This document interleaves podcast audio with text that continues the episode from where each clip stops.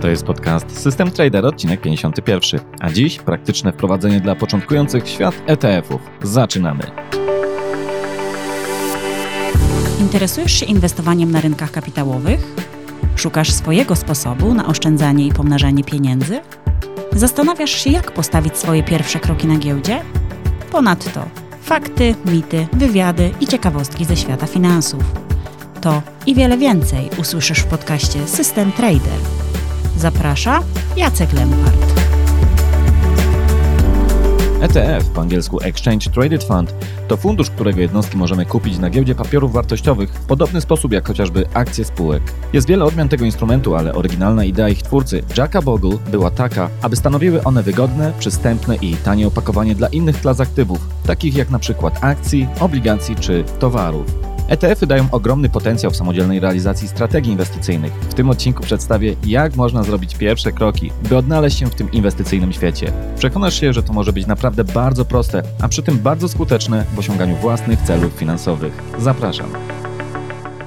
Dzień dobry, dzień dobry. Witam Was serdecznie w 51. odcinku podcastu System Trader. A dziś porozmawiamy sobie o ETF-ach. I co prawda nagrałem już odcinek w tym temacie, konkretnie odcinek numer 26, który zresztą podlinkuję na stronie do tego odcinka, a strona tego odcinka to systemtrader.pl ukośnik 051, tak jak numer tego odcinka, którego właśnie słuchasz.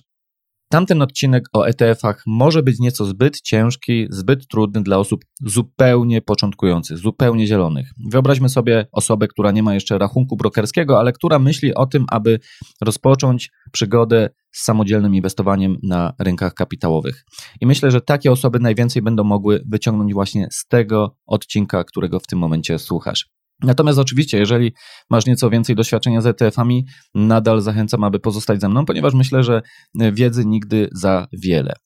Okazuje się, że w maju, konkretnie w połowie maja, kiedy opublikowałem swoje oprogramowanie System Trader, które właśnie ma pomóc w tym, aby opracować swój plan inwestycyjny i następnie go wdrożyć, to okazuje się, że wiele osób, które pobrało to oprogramowanie, to są osoby zupełnie początkujące. Dlatego też właśnie postanowiłem, że nagram taki materiał, który pomoże takim osobom postawić te pierwsze kroki od y, takich teoretycznych dywagacji w stronę praktycznych inwestycji, ale w oparciu o plan, który mogą chociażby właśnie przygotować sobie z zastosowaniem mojego oprogramowania System Trader, do którego zresztą zachęcam, aby sobie go pobrać na stronie systemtrader.pl ukośnik st co najmniej do końca tego roku to oprogramowanie będzie zupełnie za darmo, także naprawdę gorąco zachęcam raz jeszcze do jego pobrania. Ale żeby już nie przedłużać, od razu przechodzimy do mięcha i postaram się odpowiedzieć na pytanie, co to jest ETF?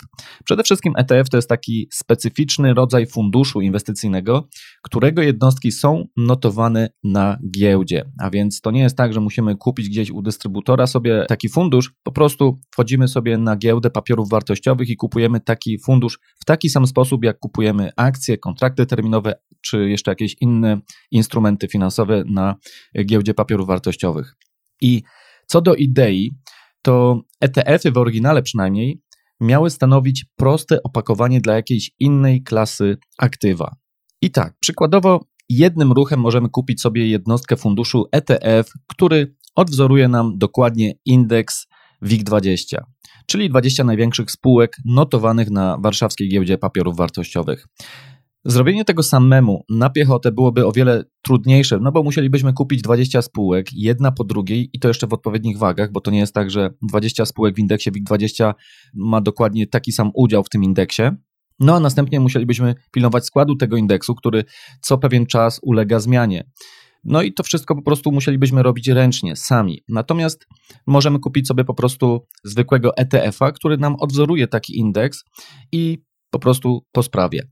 A to w sumie i tak jest jeszcze, można powiedzieć, prosty indeks, bo WIG20 to jest tylko 20 spółek, a wyobraźmy sobie na przykład globalny indeks akcji. I tu kupno ETF, który odwzoruje taki indeks, rozwiązuje problem w dosłownie kilka sekund, bo tyle nam zajmie kupno takiego ETF-a. I bez takiego ETF-a nie byłoby to wręcz może dla wielu w ogóle nawet wykonalne, no bo ciężko jest e, kupić akcje setek czy tysięcy spółek z kilkudziesięciu krajów i e, kilkudziesięciu giełd. W dodatku w wielu różnych walutach, no i jeszcze nad tym później panować. Natomiast kupno jednego ETF-a rozwiązuje temat i jest sprawa jasna.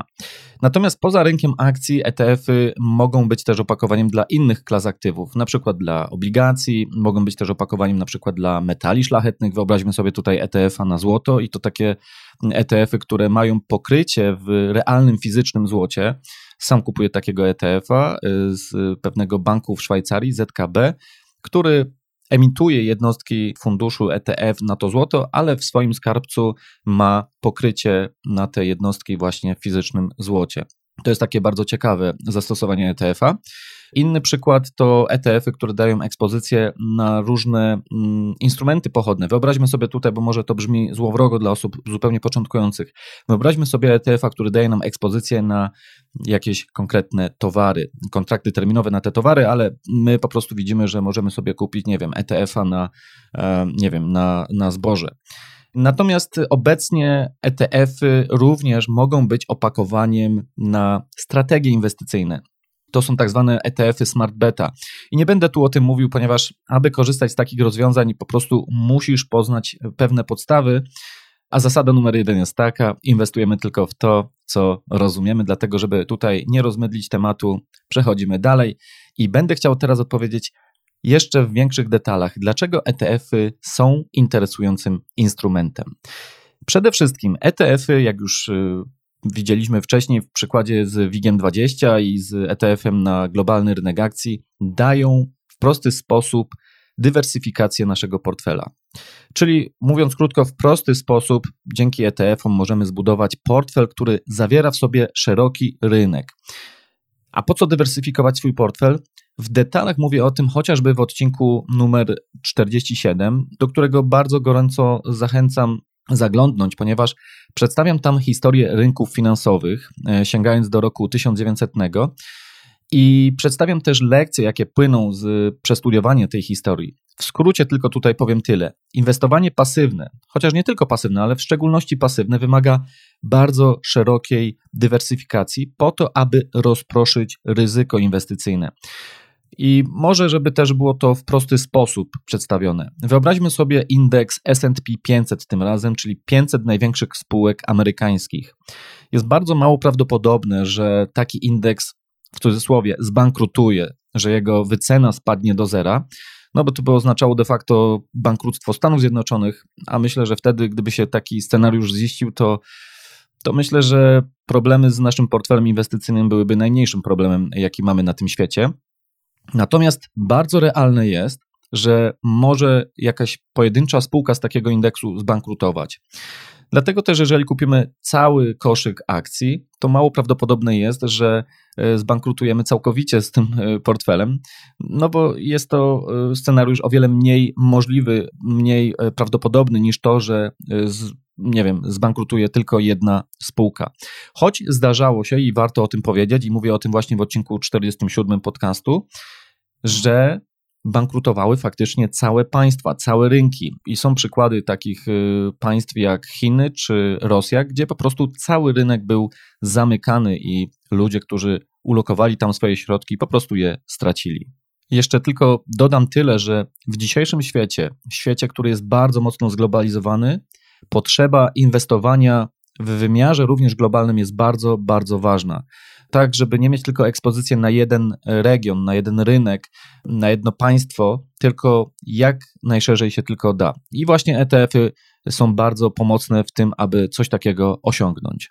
I to właśnie dlatego, że ETF y dają taką łatwość budowy prostego portfela długoterminowego, pasywnego, czyli coś, o czym będę tutaj mówił najwięcej, chociaż nie tylko, to właśnie e, dzięki tej łatwości te ETF-y są dla nas takie interesujące. Bo wyobraźmy sobie, że możemy poświęcić dosłownie 5-10 minut raz do roku, aby prowadzić zbudowany portfel inwestycyjny. I to nie jest żadna ściema. Naprawdę. Jeżeli raz zbudujemy sobie portfel inwestycyjny, to wystarczy doglądnąć go przez kilka, kilkanaście minut raz do roku, aby tylko sprawdzić, czy wszystko jest tam ok, czy wagi, które sobie przyjęliśmy, różnych tam aktywów w tym portfelu nadal są zachowane, ewentualnie je skorygować delikatnie i to wszystko. I przez większość czasu w ciągu roku możemy zająć się zupełnie czymś innym. Nie musimy tutaj naprawdę ślęczeć nad tym rynkiem, nie musimy się przejmować tym, czy dzisiaj w Stanach Zjednoczonych był spadek minus 3, czy może wzrosty były, czy cokolwiek innego. I konkretne przykłady na to, jak takie portfele można budować, podaję właśnie chociażby przez pryzmat swojego oprogramowania System Trader, gdzie jest szereg takich wbudowanych wręcz portfeli inwestycyjnych, które można albo zastosować, albo zmodyfikować pod y, własne potrzeby. I również na kanale YouTube, do którego zachęcam zaglądnąć, y, też podlinkuję na stronie do tego odcinka. Tam pokazuję praktyczne wykorzystanie tej aplikacji z tym praktycznym zastosowaniem portfeli inwestycyjnych, y, jakie możemy sobie włożyć po prostu do naszego koszyka inwestycyjnego na rynku i faktycznie podążać według takiego portfela na rynku. Natomiast oczywiście, jeżeli ktoś jest zdzielony, no to na samym początku będzie musiał poświęcić czas, aby poznać te podstawy, chociażby, żeby móc otworzyć to konto brokerskie, o czym będę mówił za chwilę, żeby móc złożyć zlecenie, żeby w ogóle zrozumieć całą tą koncepcję ETF, o czym tutaj z kolei teraz rozmawiamy. Ale jeśli z góry odrzucicie próby pobijania rynku, to proces nauki może być bardzo e, mocno skrócony. I tutaj nie chodzi o to, że ja mam coś przeciwko temu, że ktoś próbuje pobijać rynek, bo sam przez lata coś takiego robiłem i staram się to nadal robić, chociaż e, już też nie ukrywam, że buduję część portfela zupełnie pasywną. Natomiast po prostu pasywne inwestowanie jest od strony czysto technicznej najprostsze i jest właściwie, bym powiedział, chyba najbardziej polecany dla osób zupełnie początkujących i osób, które nie chcą absolutnie poświęcać czasu na inwestowanie. Natomiast nie szukamy tu żadnych magicznych rozwiązań, żeby to też było dobrze zrozumiane, żebyśmy się dobrze rozumieli. My w inwestowaniu pasywnym staramy się wkładać do portfela kilka klas aktywów, na przykład, nie wiem, akcje, obligacje, złoto, nieruchomości, które wiemy, że historycznie dawały zarobić lepiej niż gotówka. Zresztą, jeżeli chodzi o to porównanie inwestowanie aktywne versus pasywne, czyli w aktywnym, gdzie staramy się reagować na te zmiany rynkowe i staramy się tutaj no, stosować tak zwany timing rynkowy, czyli staramy się ustalić, czy jest y, trend wzrostowy na przykład, czy spadkowy i w zależności od tego mieć więcej lub mniej akcji w portfelu w inwestowaniu pasywnym zupełnie e, nie staramy się robić takich rzeczy. Po prostu mamy na sztywno ustalony portfel, który w czasie jest zawsze taki sam. Natomiast jeżeli chodzi o różnicę pomiędzy tymi dwoma podejściami, aktywne versus pasywne, to w ostatnim odcinku numer 50 mówię na ten temat znacznie więcej, dlatego też zachęcam do jego wysłuchania. Natomiast dla osób bardziej zaawansowanych, czy osób, które chcą więcej, Oczywiście można ETF-y wykorzystać, jak już powiedziałem, do inwestowania aktywnego i ja przykład taki podałem u siebie na stronie w bardzo obszernym artykule, który prezentuje tak zwaną strategię GEM, czyli Global Equities Momentum. I tam już mamy próbę tego timingu rynkowego. Natomiast y, to jest dla osób, które już chcą więcej naprawdę. I to nie jest nic złego, żeby też nie było, że to jest jakieś szarlataństwo. Nie. Tam jest wykorzystane konkretne konkretna anomalia rynkowa, która jest też dobrze rozpoznana przez świat y, y, uniwersytecki. Natomiast to wymaga nieco więcej zaangażowania ze strony inwestora, a więc jeżeli ktoś y, tego właśnie chce uniknąć, to może jak najbardziej, przynajmniej na początku, zupełnie ograniczyć się do inwestowania pasywnego i to jest jak najbardziej wszystko ok. ETF-y są jeszcze bardzo interesujące z innego powodu, a mianowicie są słynne wręcz z tego, że cechują je niskie koszty, koszty za zarządzanie. I przykładowo, jeśli chcemy inwestować przez fundusz inwestycyjny, czyli korzystając z takiego klasycznego, aktywnego funduszu inwestycyjnego TFI w Polsce, opłata może wynieść nawet 4% za taki fundusz akcyjny.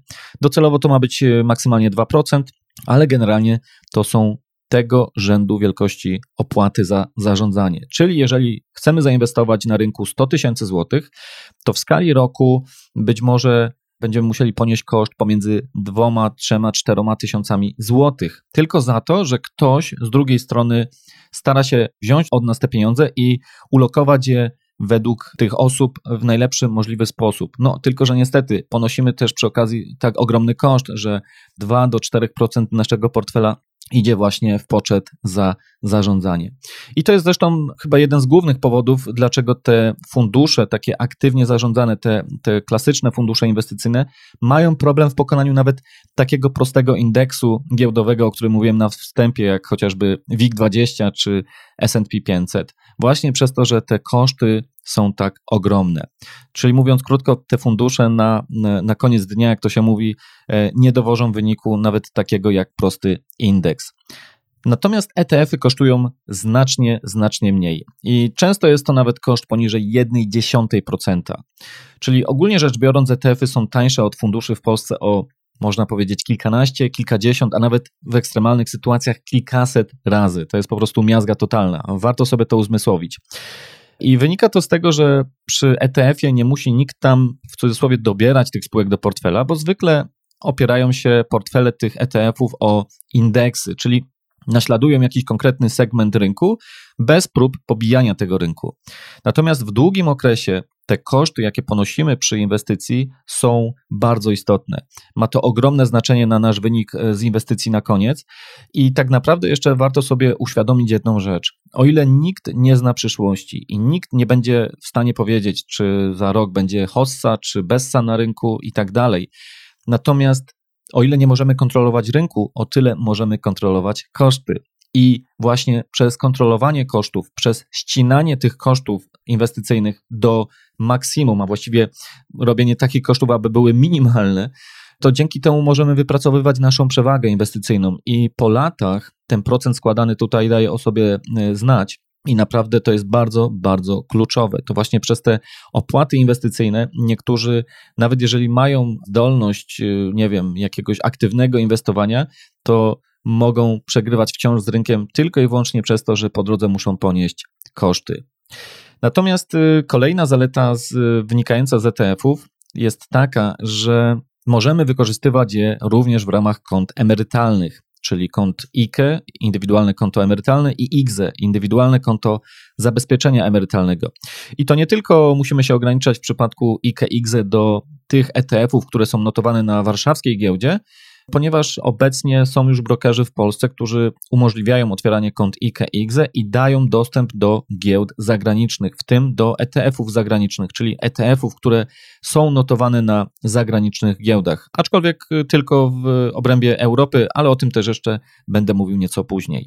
I to jest coś, co może być bardzo interesujące, bo jeżeli ktoś chce samodzielnie inwestować w ramach IKE-IGZE, to zamiast analizować poszczególne spółki albo dawać się, mówiąc zupełnie wprost, łupić tym funduszom inwestycyjnym, to w prosty sposób może samemu zbudować sobie prosty portfel inwestycyjny, który wcale nie będzie gorszy od tego, co oferują fundusze bo będzie po prostu tańszy. Możemy wykorzystać do tego, nie wiem, chociażby ETF-y na WIG20, WIG40. Nie płacimy wtedy ani grama podatku, bo mówimy o koncie emerytalnym.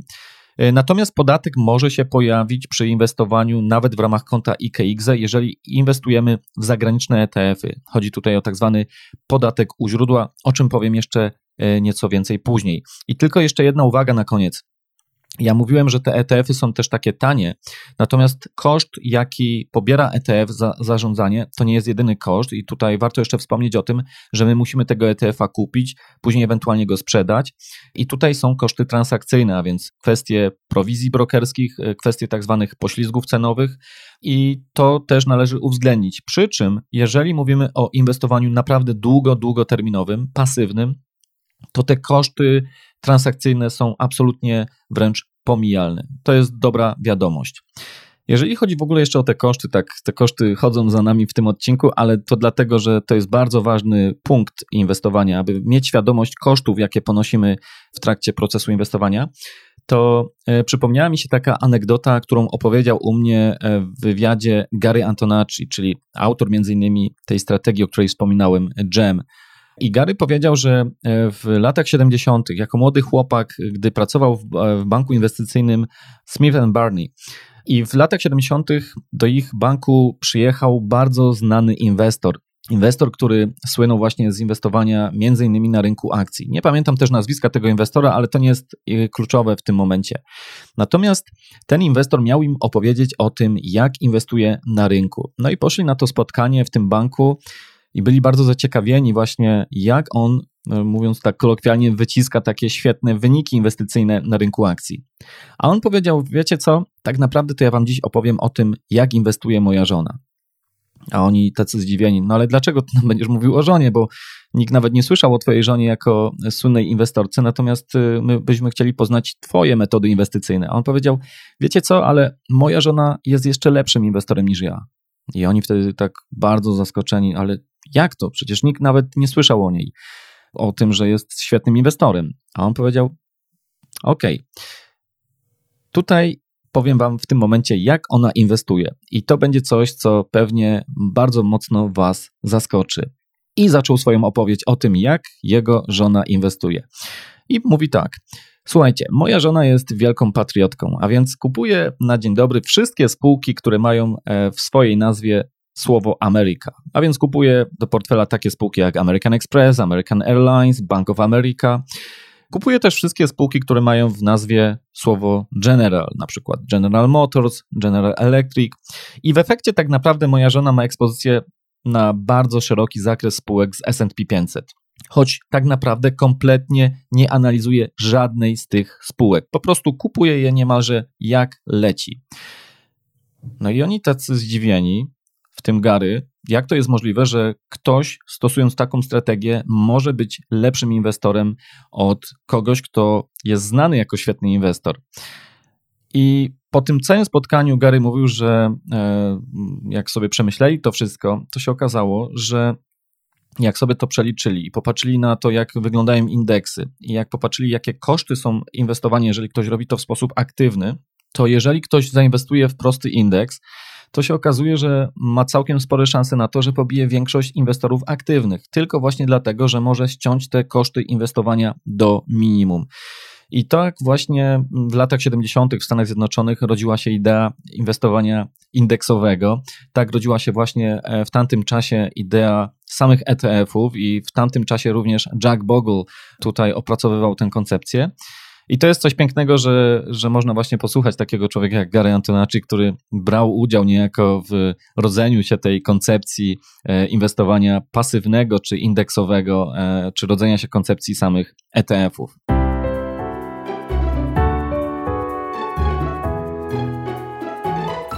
Okay, no ale jak już wiemy, jak te ETF-y są fajne i dlaczego są takie fajne, to powiedzmy sobie teraz pokrótce, jak kupić takiego ETF-a.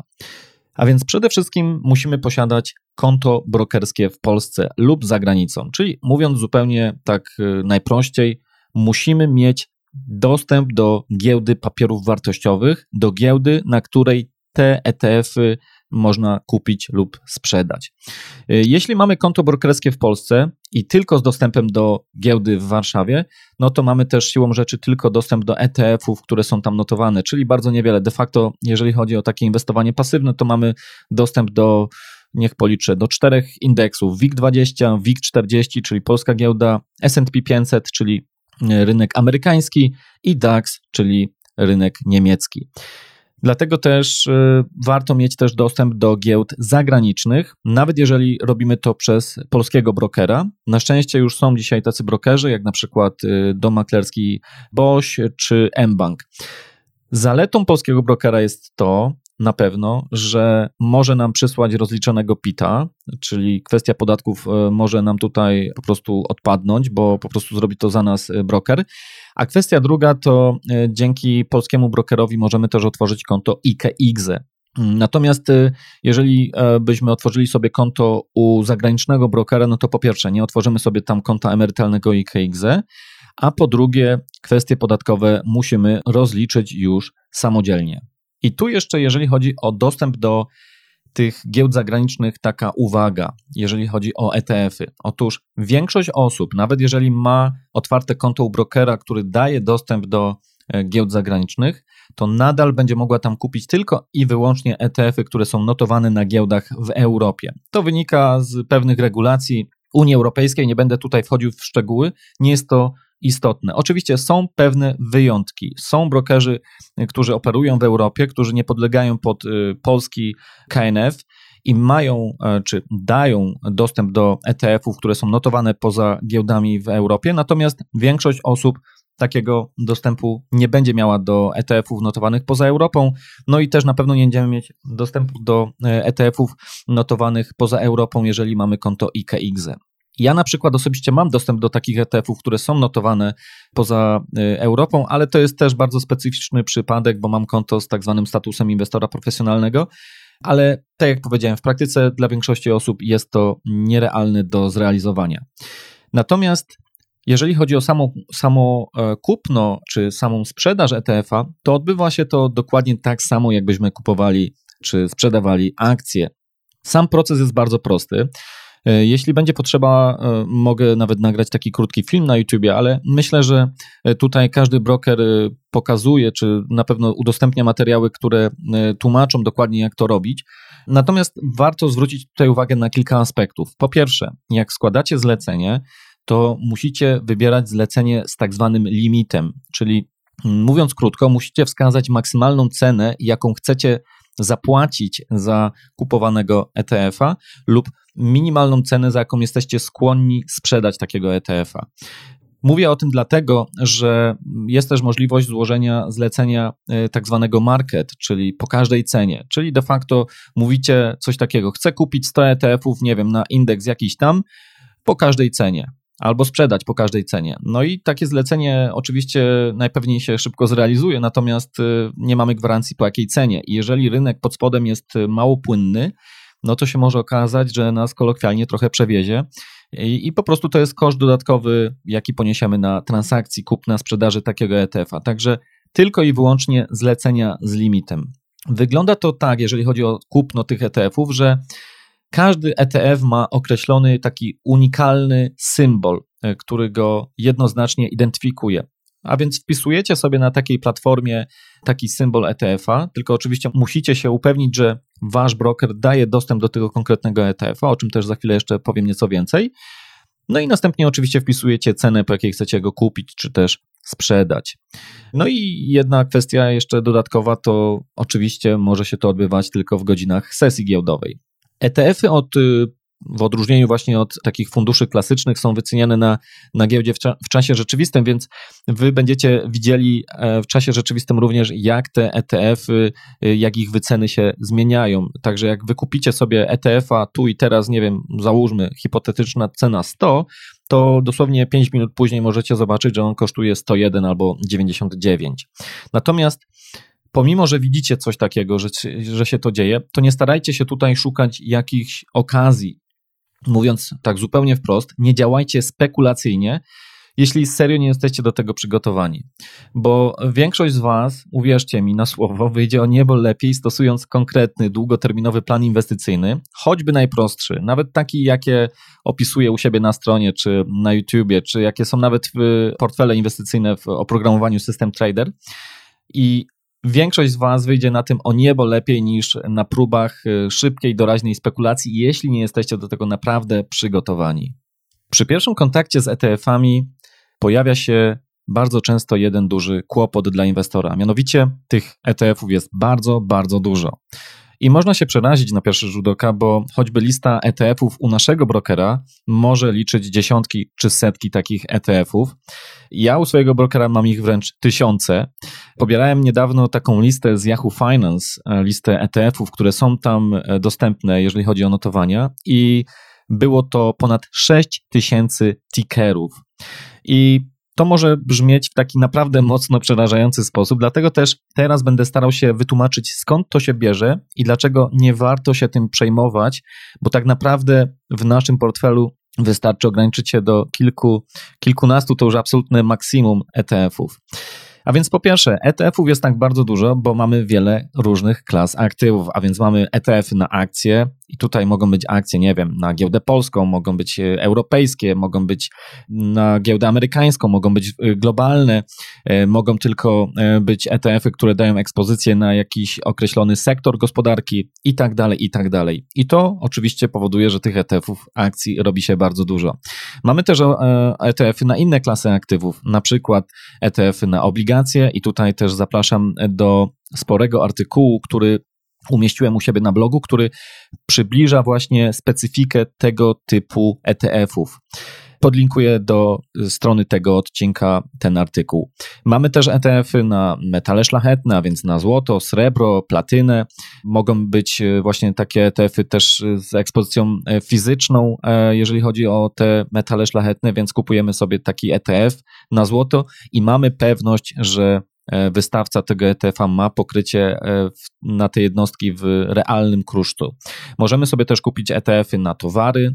Mamy też ETF-y, o których już wspominałem, tak zwane smart beta, czyli de facto opakowanie na konkretne strategie inwestycyjne. I to już powoduje, że ta wielość klas aktywów e, generuje dużą liczbę ETF-ów. A to nie wszystko, ponieważ jeden ETF może, że tak powiem, występować w wielu wcieleniach, w wielu mutacjach. I przykładowo taki ETF chociażby na indeks SP 500, czyli 500 największych spółek amerykańskich, może występować w ogromnej liczbie, czy występuje w ogromnej liczbie wersji czy odmian, bo po pierwsze, taki ETF może być dostarczany przez wiele różnych firm, czyli po prostu firmy, które wystawiają czy generują te jednostki ETF-ów. To jest po prostu biznes i każdy stara się tutaj e, w, tym, w tej branży e, przyciągnąć do siebie jak najwięcej kapitału. W różny sposób to robią, natomiast generalnie to, że jest indeks na SP 500, to nie oznacza, że jest tylko jeden ETF na SP 500.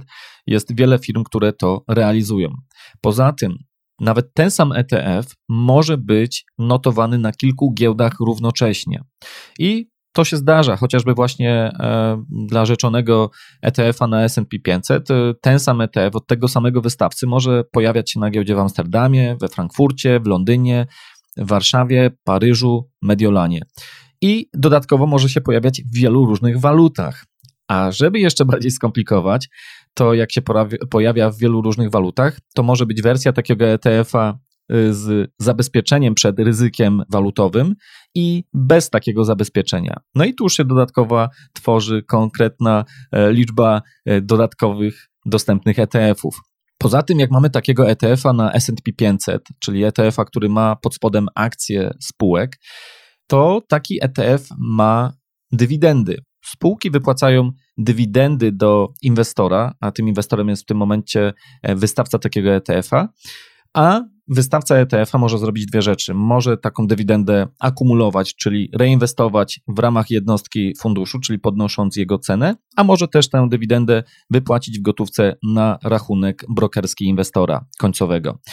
Mamy też różne metody replikacji i tutaj mamy na przykład replikację fizyczną możliwą, e, replikację syntetyczną. O tym powiem jeszcze nieco e, więcej za chwilę. Natomiast warto sobie zdać sprawę, że to jest kolejny element, który powoduje wielość dostępnych ETF-ów na rynku.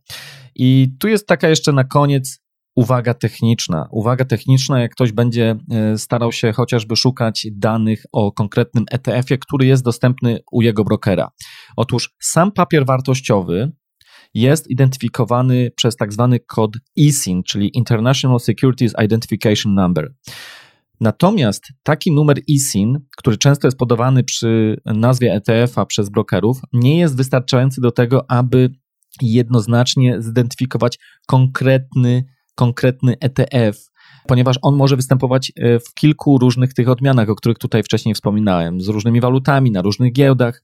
Dlatego też obok e, numeru ISIN musimy jeszcze znać albo konkretny ticker, albo konkretną giełdę, konkretną walutę, ale konkretny ticker to mam tutaj na myśli tak zwany ticker z oznaczeniem literek R i C, czyli Reuters Instrument Code. I dopiero taki Reuters Instrument Code jednoznacznie identyfikuje nie tylko konkretny ETF, ale identyfikuje również konkretną giełdę i konkretną walutę. No dobrze, no ale jak już wiemy, że tych ETF-ów jest tak dużo i wiemy z czego to wynika, to jak się odnaleźć w gąszczu tych ETF-ów? I tutaj taki praktyczny poradnik. Przede wszystkim to, że tak jak powiedziałem, jest 6000 ETF-ów, które pobrałem e, listę na Yahoo, to nie oznacza, że musimy iść jeden po drugim i wszystkie przestudiować. Absolutnie nie. Otóż ja w ogóle jestem zwolennikiem tego, aby do inwestowania z wykorzystaniem ETF-ów, ale w ogóle jakiegokolwiek, podejść w takiej kolejności, gdzie najpierw opracowujemy strategię, plan działania, a później dopiero dobieramy do tego konkretne instrumenty.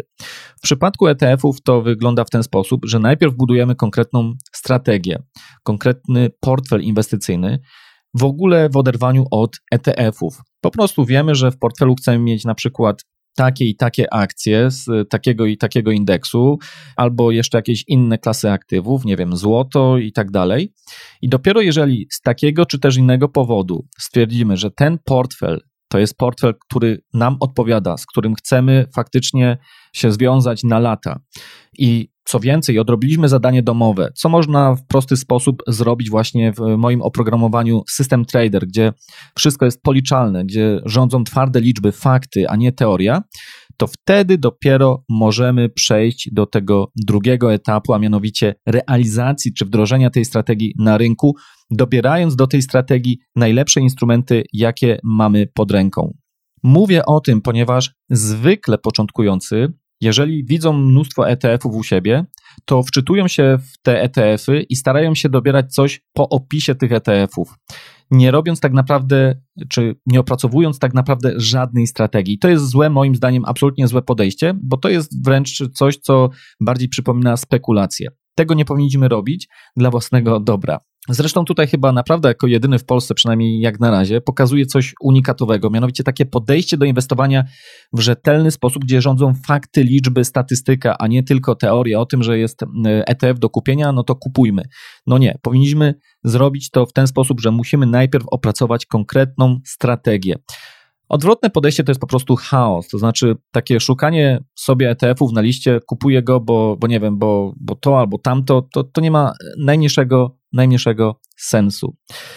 Nie ma też sensu biegać za takimi, powiedzmy w cudzysłowie, hot ETF-ami, bo nie wiem, bo przeczytaliśmy, usłyszeliśmy, że jest coś fajnego do kupienia, nie wiem, ETF na uran, no to kupujemy, chociaż nie wiemy tak naprawdę w ogóle nic na ten temat. To jest kompletnie odjechana idea. Ja, ja przynajmniej tego kompletnie nie rozumiem. Ale to, że ja tego nie rozumiem, to jest nawet nie największy problem. Obawiam się, że większość ludzi, którzy będą starali się kupować coś tylko emocjami, sercem, po prostu finalnie dobrze na tym nie wyjdą. Oczywiście mogą mieć e, zwykłe szczęście, e, że na tym zarobią, ale to nie jest sposób na inwestowanie długoterminowe. Naprawdę musimy wypracować konkretną strategię, konkretny portfel i później za nim podążać. To nie ma być super interesujące, to ma być wręcz cholernie nudne ale takie właśnie ma być inwestowanie. E, I dla większości z nas to inwestowanie będzie tylko oznaczało tyle, że my część tych naszych oszczędności zagonimy do bardziej intensywnej pracy na rynkach kapitałowych, ale nie po to, żeby też cały czas ślęczeć nad tymi notowaniami i starać się pobijać te rynki, tylko po to, żeby raz odrobić zadanie domowe, zbudować sobie portfel, inwestować, wręcz zamknąć tę giełdę na miesiące i nawet na to nie zaglądać. Dla wielu osób będzie to jedno z najlepszych podejść, jakie można sobie tutaj wyobrazić. A przede wszystkim wtedy nam odpada ten problem, że mamy 6000 ETF-ów i jak wybrać ETF-a e, dobrego do naszego portfela. Po prostu dobieramy tylko to, co jest nam potrzebne. No ale będziemy musieli w końcu to zrobić, więc e, jeżeli mamy tylko dostęp do ETF-ów, które są notowane w Europie, to tutaj polecam na przykład, e, czyli tak zwanych UCITS, Undertakings for Collective Investment in Transferable Securities. To są takie ETF-y, które w nazwie mają często właśnie ten człon UCITS, UCITS. I to są ETF-y właśnie te europejskie. Jeżeli takich ETF-ów poszukujemy, to tutaj polecam e, portal justetf.com, będzie podlinkowany na stronie do tego odcinka. Natomiast jeśli mamy dostęp do ETF-ów notowanych na przykład w Stanach Zjednoczonych, na giełdach w Stanach Zjednoczonych, bo to, że mamy dostęp do europejskich ETF-ów, żeby to też dobrze wybrzmiało, to nie oznacza, że nie możemy inwestować na rynku amerykańskim. Możemy, jak najbardziej, o czym też będę za chwilę jeszcze mówił w kwestiach podatkowych. Natomiast nie możemy inwestować wtedy na te ETF-y, które są notowane na giełdach poza Europą. Natomiast jeżeli możemy inwestować w takie ETF-y, które są notowane na giełdach amerykańskich, to wtedy polecam bardzo portal etf.com. Tam mamy e, poza tym też świetny taki dział edukacyjny, gdzie można sobie poczytać o tych ETF-ach. Oczywiście wszystko jest w języku angielskim, więc jeżeli to dla kogoś nie jest problemem, to bardzo gorąco zachęcam tak czy owak zaglądnąć sobie tam, nawet jeżeli nie mamy dostępu do tych ETF-ów, żeby po prostu sobie poczytać czy zgłębić wiedzę o ETF-ach. Nagrałem, nie wiem, tydzień temu mniej więcej taki film na YouTubie, w którym tłumaczę, na co zwracać uwagę, jak już dobieramy konkretne ETF-y do portfela. To znaczy, jeżeli już mamy ten portfel opracowany, tę strategię i chcemy faktycznie zainwestować, to tam omawiam, na co powinniśmy konkretnie zwrócić uwagę. Zachęcam do tego filmiku, żeby sobie go oglądać, natomiast tutaj pokrótce opowiem, na co faktycznie w praktyce powinniśmy zwracać uwagę. No, przede wszystkim, jeżeli już mamy konkretną strategię, która uważamy jest strategią, z którą chcemy faktycznie się związać na lata, to musimy najpierw spojrzeć, y, jakie ETF-y są dostępne u naszego brokera. Bo to, że ETF-ów jest y, bardzo dużo, to nie oznacza, że wszystkie są dostępne u naszego brokera. I może się okazać, że konkretny ETF jest dostępny, nie wiem, na ten indeks, który nas interesuje, ale niestety w walucie, na przykład w, nie wiem, we funcie brytyjskim, a załóżmy, że my chcieliśmy inwestować w dolarze i to może być kłopot. Dlatego musimy najpierw spoglądać sobie na listę dostępnych ETF-ów u naszego brokera. Jak już wiemy, że ten konkretny ETF jest dostępny, to warto zwrócić uwagę na takie kwestie jak koszty za zarządzanie tym ETF-em, bo jedne ETF-y są droższe, drugie tańsze. Generalnie im taniej, tym lepiej. Natomiast też powinniśmy zwracać uwagę na kwestie płynności i wielkości ETF-a. Czyli generalnie im większy ETF, to znaczy im więcej ma kapitału e, zgromadzonego w zarządzanie pod sobą, tym generalnie lepiej, bo to oznacza, że ten ETF z jakiegoś powodu przyciąga więcej klientów i jest mniejsze prawdopodobieństwo, że taki ETF chociażby zostanie zamknięty w przyszłości. Co oczywiście nie oznaczałoby swoją drogą to, że stracimy pieniądze, tylko to, że po prostu te pieniądze by nam zostały spieniężone i, i musielibyśmy szukać sobie jakiegoś innego ETF-a. Natomiast generalnie co do zasady, im większy ETF, tym zwykle większa płynność. Chociaż tutaj trzeba zwrócić uwagę na pewien niuans. Jeżeli chodzi o ETF-y, to kluczową rzeczą, jeżeli chodzi o ich y, płynność, jest to, jak płynny jest rynek pod spodem. Czyli to, że nawet ETF zgromadził pod sobą ogromne, nie wiem, miliardy y, dolarów, to jeszcze nie oznacza, że on będzie bardzo płynny, jeżeli rynek pod spodem jest mało płynny. I możemy sobie wyobrazić, zresztą takie sytuacje miały miejsce właśnie w przypadku COVID-19, gdzie w marcu, kwietniu były ogromne spadki i nagle się okazało, że ETF-y, które są bardzo, mają bardzo dużo kapitału pod sobą na obligacje, one nagle odklejają się, jak się wydawać mogłoby, od rynku, bo nagle one zaczęły spadać. To jest temat tak naprawdę na oddzielny odcinek, który by tłumaczył właśnie, dlaczego tak się działo, bo to jest dość interesujące. Natomiast tak naprawdę wszystko e, było ok. Chodzi o to, że zwykle tymi obligacjami się bardzo aktywnie nie handluje, a tu nagle wiele osób chciało sprzedać te obligacje na rynku, na którym de facto tej płynności nie ma. No i to spowodowało oczywiście, że ceny zaczęły mocno spadać. Dlatego też ta wielkość kapitału, jaka jest zgromadzona przy ETF-ie, jeszcze jednoznacznie absolutnie nie mówi nam o płynności samego ETF-a. Na co jeszcze trzeba zwracać uwagę przy wyborze ETF-a? Na pewno na walutę. I tutaj jest kwestia, czy chcemy zabezpieczenia przed ryzykiem walutowym, czy nie. Ja osobiście preferuję kupować ETF-y w dolarze, dlatego że jeżeli inwestuję globalnie, to po prostu jest to taka defaultowa, domyślna waluta i Nigdy nie stosuję zabezpieczenia walutowego. Mam też jednak e, kilka ETF-ów, głównie tutaj obligacyjnych na walutę euro. Natomiast e, nigdy nie stosuję zabezpieczenia, e, dlatego że co najmniej z dwóch powodów. Po pierwsze, uważam, że warto mieć też dywersyfikację walutową.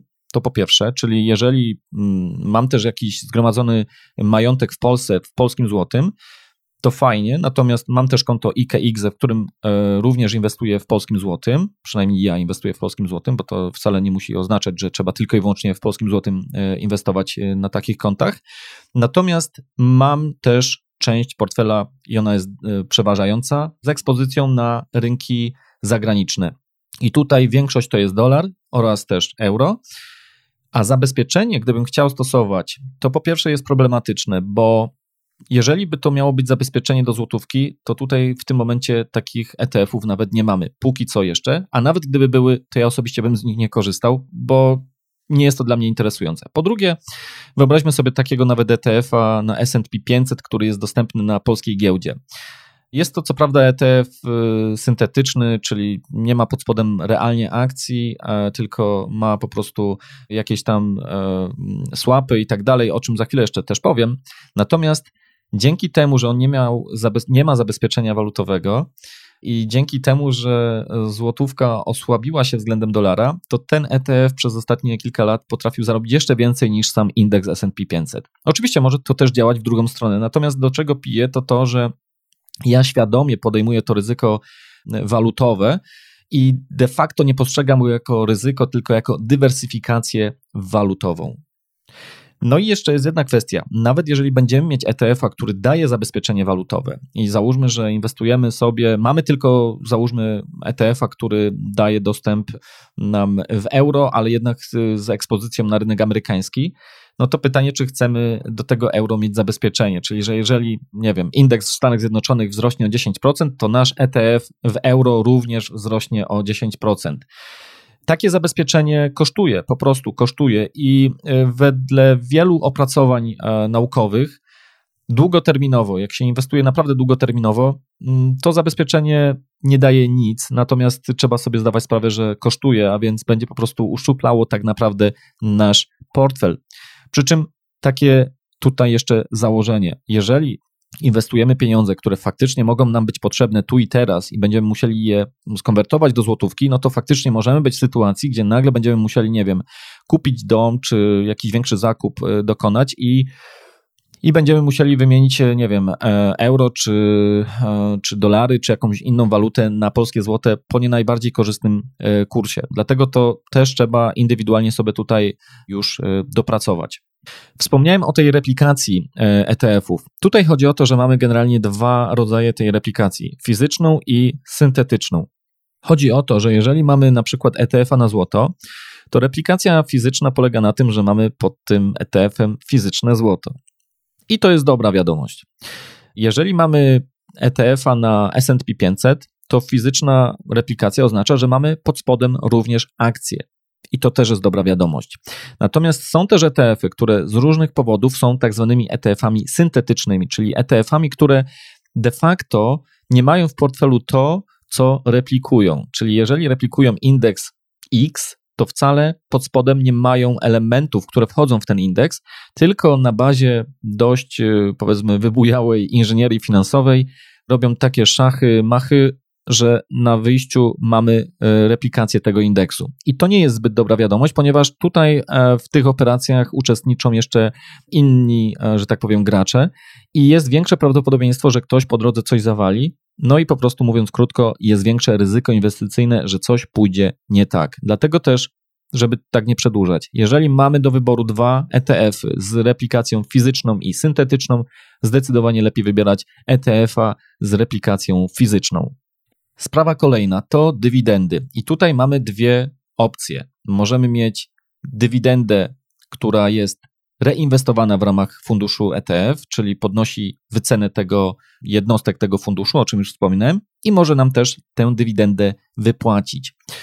Ja zwykle wolę, czyli jeżeli chodzi o e, wypłacanie dywidendy, to one są nazywane dystrybuującymi. Jeżeli chodzi o zachowanie tej dywidendy, reinwestowanie, są to tak zwane ETF-y akumulujące. Ja osobiście wolę właśnie te akumulujące, ponieważ tutaj po pierwsze nie muszę sam się zajmować reinwestowaniem tego, a po drugie, to nie jest gotówka, którą ja chcę wypłacić sobie i żyć z niej, tylko to jest gotówka, którą chcę tak naprawdę reinwestować, więc nie muszę ponosić też kosztów reinwestowania transakcyjnych, tylko po prostu robi się to z automatu, nie jak e, dla mnie.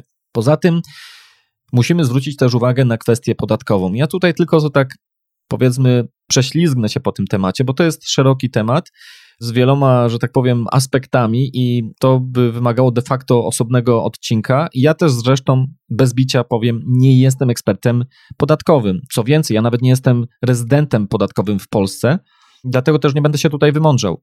No i kwestia kolejna, te podatki również mogą ulegać zmianie, więc to, to są informacje, które naprawdę trzeba po prostu śledzić na bieżąco. Ale generalnie, pochodzenie kraju wystawcy ETF-a, czyli tak zwany domicile country, to ma wpływ na ewentualny tak zwany podatek u źródła. I posłużę się tu dla łatwości przykładem. Wyobraźmy sobie, że mamy ETF-a na S&P 500, czyli na indeks S&P 500 i wystawcą tego ETF-a jest firma z Irlandii, czyli to jest właśnie ten kraj wystawcy. I choć sam ETF może być oczywiście notowany na giełdzie przy okazji w Londynie, w Paryżu, w Warszawie, to nie ma nic do rzeczy. Ważne jest, skąd jest wystawca tego ETF-a, bo to jest jak gdyby inwestor, który realnie musi kupić akcje z tego indeksu, aby takiego ETF-a zbudować. I teraz tak, spółki, które płacą dywidendę, przesyłają de facto gotówkę, ale na konto właśnie wystawcy ETF-a, w tym przypadku w Irlandii, i wpływa tam zwykle kwota 85% tej dywidendy, czyli jeszcze zanim te pieniądze opuszczą Stany Zjednoczone, zostanie pobrany 15% tak zwany podatek u źródła właśnie w poczet tych dywidend, czyli ten dostawca tego ETF-a będzie mógł nam wypłacić lub reinwestować tę dywidendę już pomniejszoną o ten 15% podatek. Ogólna zasada jest taka, że obowiązują tu umowy podatkowe pomiędzy krajem inwestora, a tutaj inwestorem jest właśnie ten wystawca ETF, czyli dlatego jest istotny kraj, a krajem pochodzenia dywidendy. Czyli jeśli mamy ETF-a z Irlandii na akcje z całego świata, to każda dywidenda, jaka wpływa do takiego ETF-a, może być potrącona o podatek w kwocie, jaka obowiązuje pomiędzy Irlandią a krajem pochodzenia dywidendy. Mogą być to różne stawki. Oczywiście, jeżeli mamy ETF-a na S&P 500, to jest prostsze, bo tutaj tylko wchodzi, że tak powiem, mm, do życia umowa pomiędzy, podatkowa pomiędzy Irlandią a Stanami Zjednoczonymi, ale jeżeli jest ETF na wiele różnych krajów, to wchodzą tutaj umowy podatkowe pomiędzy Irlandią a tym konkretnym krajem, z którego wypłacana jest dywidenda. Także może być to dość mocno e, zagmatwane. No i na koniec, jeśli mamy polską rezydencję podatkową, to na kontach IKE i IGZE nic nie dopłacamy do wypłaconej za granicą dywidendy. Na kontach z kolei opodatkowanych czyli poza IKX-e, jeżeli mamy dywidendę e, zagraniczną, to musimy co do zasady dopłacić podatek, aby był on w kwocie 19%. Tak przynajmniej jest, jeżeli chodzi o umowę pomiędzy Polską a Stanami Zjednoczonymi. Czyli jeżeli w Stanach Zjednoczonych pobrali nam 15%, to my w Polsce musimy dopłacić jeszcze 4%. Inna kwestia to jest, jeżeli by nam pobrano w Stanach Zjednoczonych 30%. I wtedy jest pytanie, czy e, w Polsce mamy coś jeszcze do zapłacenia, czy nie. I tutaj widziałem dwie różne interpretacje. Na stronie e, domu maklerskiego BOŚ jest napisane, że w takiej sytuacji nie musimy nic dopłacać, ale słyszałem też takie interpretacje, które mówią, że to, że 30% nam zostało pobrane, ponieważ taki jest model biznesowy e, domu maklerskiego, to cóż, e, tak naprawdę w umowie jest stawka 15%, wciąż w Polsce należy dopłacić 4% do 19%, czyli wtedy efektywnie jest 34%. To jest temat, y, mówię, jeżeli ktoś jest e, tutaj, nie wiem, ekspertem albo ma praktyczne doświadczenia, chociaż słyszałem osoby, które płaciły i tak, i tak, czyli widać, że nawet w praktyce tutaj są różne podejścia, a też znając polskie urzędy skarbowe i izby skarbowe, interpretacja może być różna, nawet w e, odniesieniu do tej samej sprawy. I wniosek, jaki można z tego wszystkiego wyciągnąć? Otóż prościej to wygląda z ETF-ami akumulującymi dywidendę. No bo jeżeli mamy e, takiego ETF-a, który akumuluje dywidendę, to tutaj takiego kłopotu nie mamy, bo nie trzeba rozliczać podatku u źródła z dywidend, bo podatek płacimy tylko przy sprzedaży ETF-a. Oczywiście ten e, problem z 30%, 30% stawką e, z ETF-ów amerykańskich jest e, bardzo wydumany, bo tak naprawdę i tak u polskich brokerów nie możemy kupić takiego ETF-a, ale ten problem jest już bardzo realny, jeżeli byśmy kupowali u polskiego brokera, nawet na koncie IKE, IGZE, akcje w Stanach Zjednoczonych i tam z tych dywidend byłby potrącony właśnie podatek w tej stawce 30%. To tak na marginesie. Jeżeli chodzi o podatki, to ja więcej już tutaj tego tematu teraz nie będę rozwijał, bo naprawdę jest to temat, może być temat dość skomplikowany, niejednoznaczny i jeżeli ktoś się czuje na siłach, ktoś jest ekspertem i przede wszystkim ma praktyczne doświadczenia w różnych wariantach, to zachęcam również tutaj do komentowania. Natomiast, jak sam powiedziałem, nie jestem rezydentem podatkowym w Polsce, więc też nie będę się tutaj wymądrzał. I tak już dochodząc do końca tego odcinka, chciałem jeszcze powiedzieć o takich często pojawiających się wątpliwościach w odniesieniu do ETF-a, czyli takich ryzyk związanych z inwestowaniem w ETF-y. No, pierwsze ryzyko to jest coś, o czym już mówiliśmy, to jest tak zwane ryzyko walutowe, czyli inwestujemy na przykład z Polski, kupujemy ETF-y w dolarze, mm, no i tak jak powiedziałem, ja tutaj takie ryzyko postrzegam jako naszego sprzymierzeńca. Oczywiście zakładając, że to nie są pieniądze, które inwestuję, które potrzebuję tu i teraz. Natomiast generalnie nie boję się takiego ryzyka e, walutowego. Ale to nie jest też tak, że wszystkie pieniądze, które potrzebuję na życie tu i teraz, e, są w tej walucie, w której inwestuję. To tak na marginesie. Ryzyko rynkowe. No to jest ryzyko związane tak naprawdę nie bezpośrednio tylko z ETF-em. Możemy sobie tutaj wyobrazić sytuację właśnie z marca 2020 roku, czyli wirusa COVID-19 i szybki spadek na rynku akcji. Jak rozwiązać sobie ten problem, jak e, e, rozwiązać to ryzyko? Po prostu musimy mieć konkretną strategię i plan działania. Kolejne ryzyko to jest y, takie, powiedziałbym, egzotyczne ryzyko, czyli ETF-y dziś mogą występować w naprawdę wielu różnych formatach. I jeżeli czegoś nie rozumiemy, a jest dużo różnych wymyślnych ETF-ów, to po prostu tego nie dotykajmy. I dla przykładu są ETF-y lewarowane, gdzie lewar dwukrotny wcale nie oznacza, że jeżeli, nie wiem, w ciągu roku indeks wzrósł o 50%, to my zarobimy 100%, dlatego że lewar na tym ETF-ie jest dwa razy. I to jest też ciekawy temat, ale jeżeli nie wiesz o co chodzi, ja tutaj tego nie będę już celowo rozwijał, bo też nie ma czasu, ale po prostu nie dotykajmy tego. To, że coś brzmi jak y, byłoby coś prostego, to nie znaczy, że takie proste musi być. Inny przykład to jest y, chociażby ETF na ropę. Ściśle rzecz ujmując, technicznie to nawet nie jest ETF, ale przyjmijmy, że to e, jest powiedzmy coś, co jest postrzegane przez wielu jako ETF. I wcale taki ETF, jak już się wielu dowiedziało, nie musi naśladować ceny ropy. Tak jakby się to mogło wydawać, bo kupuje ktoś ETF-a na ropę. Ryzyko podatkowe, no to tutaj o tym wspominałem wcześniej, czyli inwestowanie w ETF-y z ekspozycją na rynki zagraniczne oznaczać może potrzebę zapłacenia chociażby tego podatku u źródła, nawet jeśli inwestujemy na koncie, które jest zwolnione z takiego podatku belki, czyli na przykład IKXE.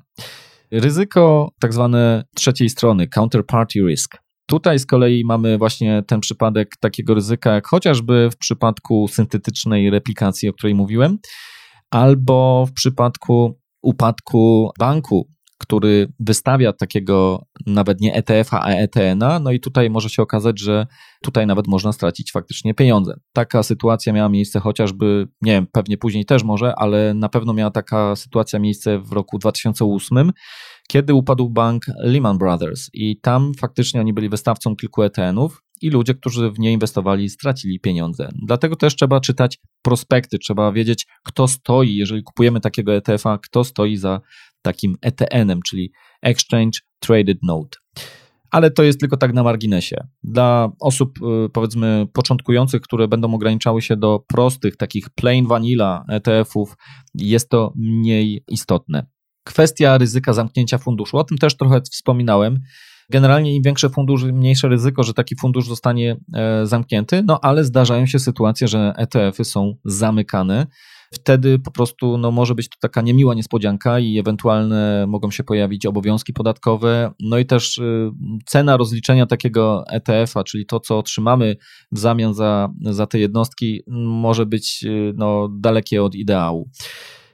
No i wreszcie ostatnia rzecz, jaką sobie tutaj wynotowałem na liście, to jest ryzyko pod tytułem super okazja inwestycyjna, no bo nie wiem, pisali o tym w gazecie i mamy po prostu tak naprawdę my podążać za konkretną strategią, planem inwestycyjnym, a nie za emocjami tylko dlatego, że ktoś napisał, że uran ma rosnąć e, w górę. No może będzie rosnął, może nie, ale to już jest spekulacja tak naprawdę i to nie chcę, żeby źle zabrzmiało, że kogoś ja będę tutaj krytykował, że chcę to robić. Natomiast miejmy świadomość tego, co naprawdę robimy ale możemy mieć też część portfela po prostu czysto spekulacyjną. To też jest ok. Ja sam też mam część taką e, portfela bardziej spekulacyjną, gdzie czasami działam, zwłaszcza jeżeli chodzi tutaj o rynek kontraktów terminowych w Polsce, bardziej, e, że tak powiem, e, wchodzę tam okazjonalnie, tylko w konkretnych momentach. Ale nie jest to jakaś strategia, jakie zwykle ja stosuję, czyli bardzo mocno skwantyfikowany, tylko strategia opierająca się bardziej na moim doświadczeniu. No i myślę, że to jeżeli chodzi o to wprowadzenie w świat ETF-ów, to na dziś już tyle. Zapraszam na stronę systemtrader.pl ukośnik 051 i tam będzie właśnie wiele takich materiałów uzupełniających, y, jeżeli chodzi o ten odcinek, czyli artykuły, podcasty, filmy na YouTubie. Zachęcam też do pobrania mojego autorskiego programowania System Trader. Co najmniej do końca tego roku 2020 będzie to oprogramowanie zupełnie za darmo i do niczego to nie zobowiązuje. Później po prostu najwyżej ktoś nie będzie z niego korzystał. Planuję, aby to oprogramowanie skomercjalizować, aby później móc, y, mówiąc zupełnie wprost, na nim również zarabiać, ponieważ y, bardzo mocno angażuję się w jego rozwój i przez już y, ponad półtorej roku bardzo dużo czasu i wysiłku e, zaangażowałem w jego stworzenie. Natomiast póki co jest zupełnie za darmo i jeżeli ktoś chce, bardzo zachęcam do jego pobrania na stronie systemtrader.pl ukośnik ST. Z miesiąca na miesiąc to oprogramowanie będzie coraz lepsze, dlatego myślę, że nawet jeżeli dziś widzicie jakieś błędy, to bądźcie spokojni, te błędy są już y, usunięte. Oczywiście mogą się pojawić nowe błędy, ponieważ y, aplikacja się rozwija cały czas. Natomiast co znajdziesz w tym oprogramowaniu? Kilkanaście gotowych do przetestowania portfeli inwestycyjnych, czyli e, tutaj mam na myśli inwestowanie pasywne, a więc e, są to portfele oparte o pomysły wielu znanych inwestorów, na przykład Raya Dalio, Warrena Buffetta, Harry'ego Browna. Są też strategie aktywne, mm, zarazem dla ETF-ów, tutaj mam na myśli GEM, strategię oraz dla rynku akcji e, strategia oparta też na anomalii momentum i będą się te strategie nowe pojawiały wraz z kolejnymi wersjami. W kilka sekund w tym oprogramowaniu możemy zobaczyć, jak y, zachowywały się te strategie czy portfele w ostatnich 50, 100, nawet 120 latach. I to jest bardzo ważne, bo niech przemówią liczby i fakty, a nie tylko jakaś teoria o tym, że warto zainwestować e, w złoto. No ale warto też spojrzeć na, na to, jak to złoto kształtowało się, jego cena e, historycznie. No i można też pobierać własne dane do tego oprogramowania, aktualne dane e, z notowaniami, po prostu po to, aby móc taki plan, taką strategię wdrożyć na realnym rynku. I w moim odczuciu takie oprogramowanie jest e, dla wielu znacznie nawet lepsze niż czytanie tysiąca różnych książek, o których autorach nawet nie mamy pojęcia, bo tutaj mamy po prostu konkretne, praktyczne przykłady zastosowania portfeli inwestycyjnych na realnym rynku. Czyli to nie jest y, pisanie y, jakiegoś storytellingu o inwestowaniu, tylko tutaj mamy konkretne już mięcho inwestycyjne. Otwarłem też grupę na Facebooku, y, gdzie skupiam użytkowników oprogramowania System Trader, dlatego też zachęcam, jeżeli ktoś jest zainteresowany samym oprogramowaniem, na dołączenie do tej grupy, ponieważ po prostu w ten sposób będziecie mogli uzyskać też pomoc, jeżeli potrzebujecie przy korzystaniu z tej aplikacji a niebawem za około 4 tygodnie, myślę, gdzieś w początku czy w pierwszej połowie lipca powinna się pojawić druga wersja beta tego oprogramowania. Ok, to dość o oprogramowaniu. Będę wdzięczny też za podzielenie się info o tym odcinku o ETF-ach z każdym, komu myślisz, że ten materiał może pomóc. Będę wdzięczny za recenzję chociażby na iTunes, komentarze na stronie, na YouTubie, czy na Facebooku, czy Twitterze. E, z mojej strony to wszystko. E, serdecznie dziękuję za to, że wytrwaliście ze mną do końca. Życzę samych e, sukcesów inwestycyjnych i nie tylko na polu inwestycji. Serdecznie pozdrawiam. Do usłyszenia. Bye bye.